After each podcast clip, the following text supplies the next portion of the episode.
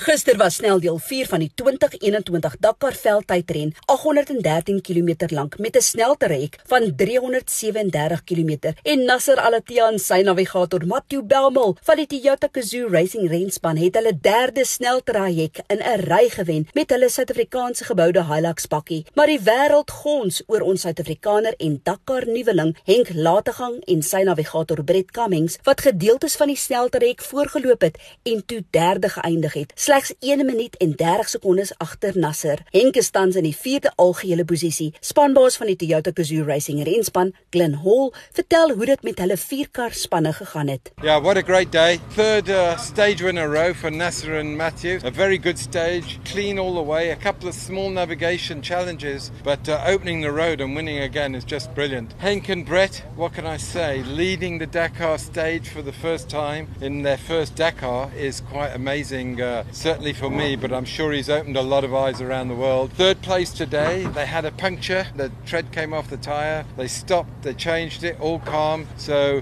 great drive today. Giniel uh, started the stage with a sore neck, it got much worse, and then to cap it all at the end, they had a navigation issue quite close to the end. Shameer and Dennis, they had a good day, but they had to stop 108 position on the road, so they've been overtaking a lot of cars, but uh, no punctures, and at least they've climbed up the order.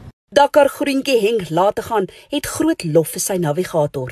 Ja, nee, baie lekker dag vir ons. Vandag stage was bietjie oper en en vinniger en in minder rof. Uh, so dit was minder hard op die op die lyf en so aan. Brett het 'n baie baie goeie job gedoen om van tweede op die pad uh, ons al die waypoints te laat kry en uh, tot by die einde te kry. So ja, nee, is is eintlik ongelooflik. Kyk hoe Janiel, Henk, Shamir en Nasser die san van Saudi-Arabië in hulle Suid-Afrikaanse geboude Hilux bakkies aandurf. Besoek www.tgrsa.co.za of op sosiale media by TGRSA. Nou oor dan Steffie Wetter van die Southern Africa Dakar Groep om te hoor hoe dit met ons ander Suider-Afrika deelnemers gegaan het. Our Kalahari Ferrari Ross branch was sublime today and felt as if he was on home turf in Botswana. Ross explains. Hey guys, so stage four uh, done and dusted. Uh, what an awesome day! It was like uh, riding the desert race over again. It was uh, really, really fun. Uh, lots of jeep tracks and uh, tour spurs. Made a couple of little errors, but nothing too big. And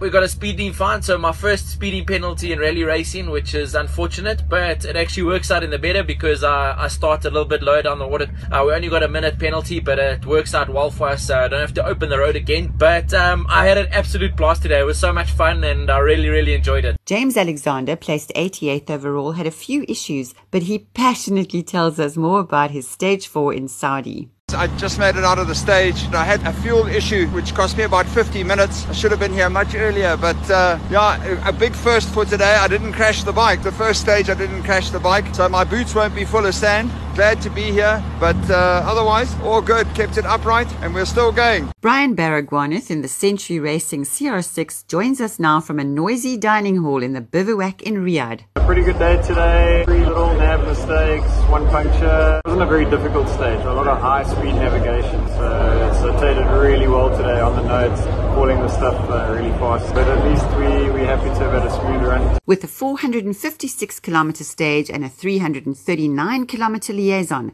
stage 5 is a beast. Expect fireworks on the hardest stage at Dakar 2021. Ek is Janet van Wiele twee wiele and I'm Steffi from the Southern Africa Dakar Group. Vir Dakar 2021. Tot môre. Hou jou wiele aan die rol.